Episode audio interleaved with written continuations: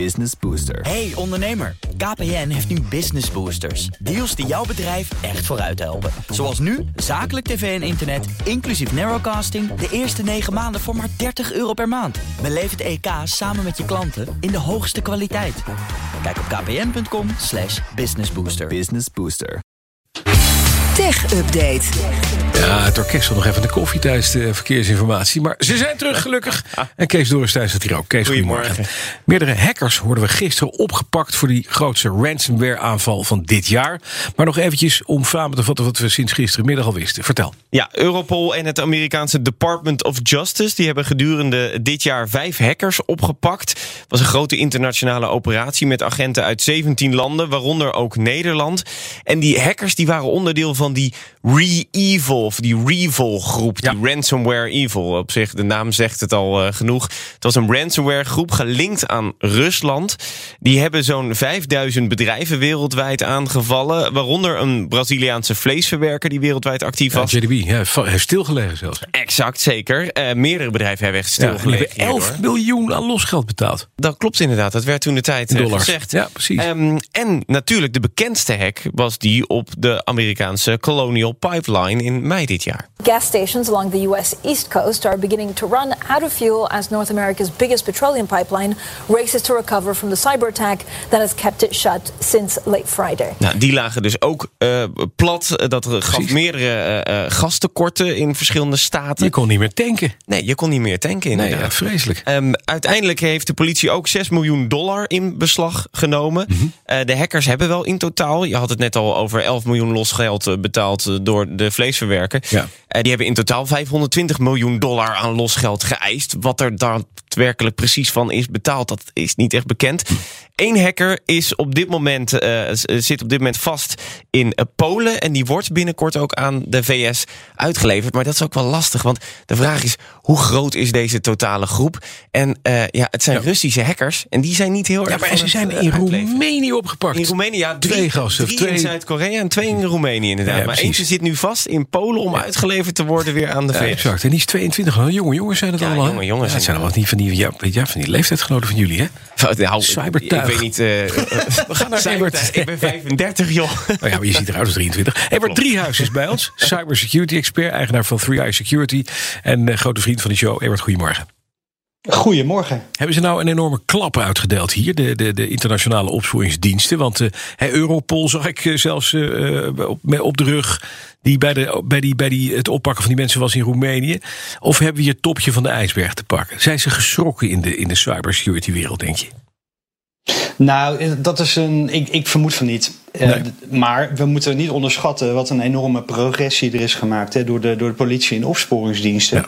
En ze hebben veel betere capaciteit gekregen om bijvoorbeeld onderzoek te doen naar Bitcoin en blockchain. En daarom kunnen ze dus ook veel meer geld terughalen. Uh, en ook deze acties, uh, daar zit natuurlijk verschrikkelijk veel voorbereidingstijd en diplomatie in. Um, het, het, het, ik denk dat het belangrijkste is en dat je moet beseffen dat het gaat hier om affiliates van de grote eindbazen eigenlijk. Ja, ja. He, dus partners zijn ja, dat. Ja. Het, zit niet, het zijn niet de echte bazen die eruit pikt, de capo die toet die capi. Zo is dat, zo is dat. Er zit dus een kerngroep. Ja. En die kerngroep die ontwikkelt zichzelf echt als een soort professioneel bedrijf. Uh, en die kerngroep die maakt ook die, die software en alle infrastructuren. Eigenlijk hebben die gewoon een soort ja, de, de app store van cybercrime gebouwd. Mhm. Mm -hmm. En die affiliates die, die winnen dan het vertrouwen van die, van die kapen, die tutti capi zoals jij het noemt. Ja. Uh, die kopen dan zo'n aanval en die gaan die aanval dan vervolgens uitvoeren.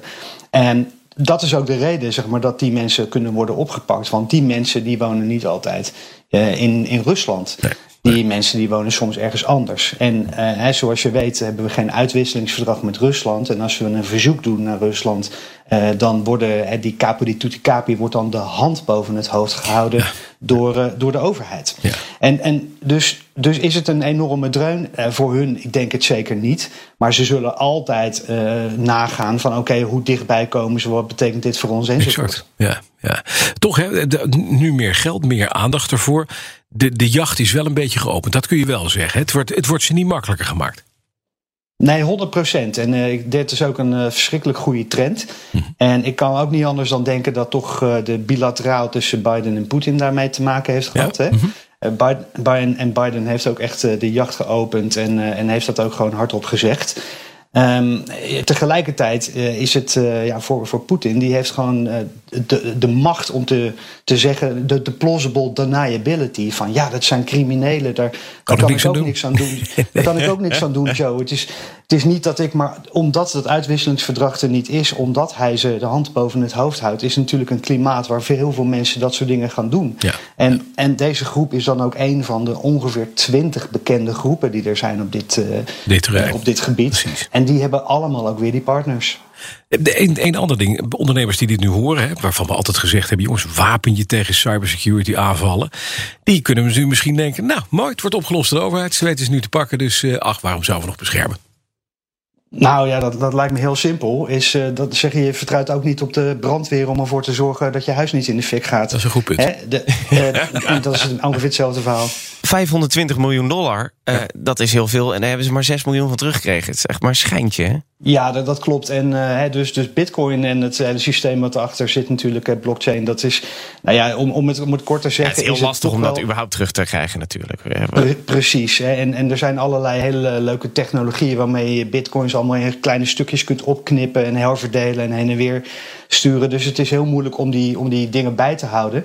Uh, maar ook daar worden technologisch uh, grote stappen ingezet, zowel door de overheid als door uh, particuliere partijen. Dus ik denk ook dat dat de reden is dat ze hier nu beter in worden. Duidelijk, dankjewel. Evert Driehuis is cybersecurity expert, eigenaar van 3i Security. En we hebben nog ander technieuws, hè, Kees? Ja, dat klopt, ja. Want uh, beleggingsapp Robinhood uh, meldt een uh, grote aanval door hackers. Ze zijn er nog steeds. Ja. ja, ze zijn er nog steeds. Ja, de beurskoers is nog steeds niet hersteld nee. naar de, de startwaarde, als mm -hmm. het ware. Hè? Toen, toen ze een paar maanden geleden naar de beurs gingen. Het bedrijf zegt vorige week aangevallen te zijn. daarbij zijn de e-mailadressen van 5 miljoen klanten buitgemaakt. En ook nog eens de voor- en achternaam van 2 miljoen klanten. 310 gebruikers hebben hun volledige adresgegevens aan de hackers zien verdwijnen. Uh, en als je dan kijkt, Robinhood, 21 miljoen klanten. Dat is dus al uh, 33% van het totale klantenbestand dat in één keer is buitgemaakt.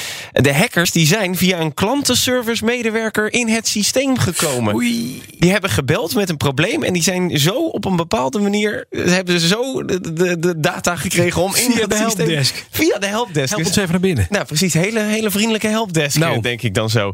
Uh, ze hebben losgeld geëist. Uh, het is niet bekend of dat betaald is. En uh, vorig jaar had Robinhood ook al te maken met een hack. Toen maar 12, 2000 gegevens van klanten buitgemaakt. Ja. voor de koers maakt het niet uit. Op dit moment nog in de plus, zo'n 2%. Dankjewel, Kees Dorrestein. De BNR Tech Update wordt mede mogelijk gemaakt door Lenklen. Lenklen. Betrokken expertise, gedreven resultaat. Hardlopen, dat is goed voor je. En Nationale Nederlanden helpt je daar graag bij. Bijvoorbeeld met onze digitale NN Running Coach... die antwoord geeft op al je hardloopvragen. Dus, kom ook in beweging. Onze support heb je. Kijk op nn.nl slash hardlopen.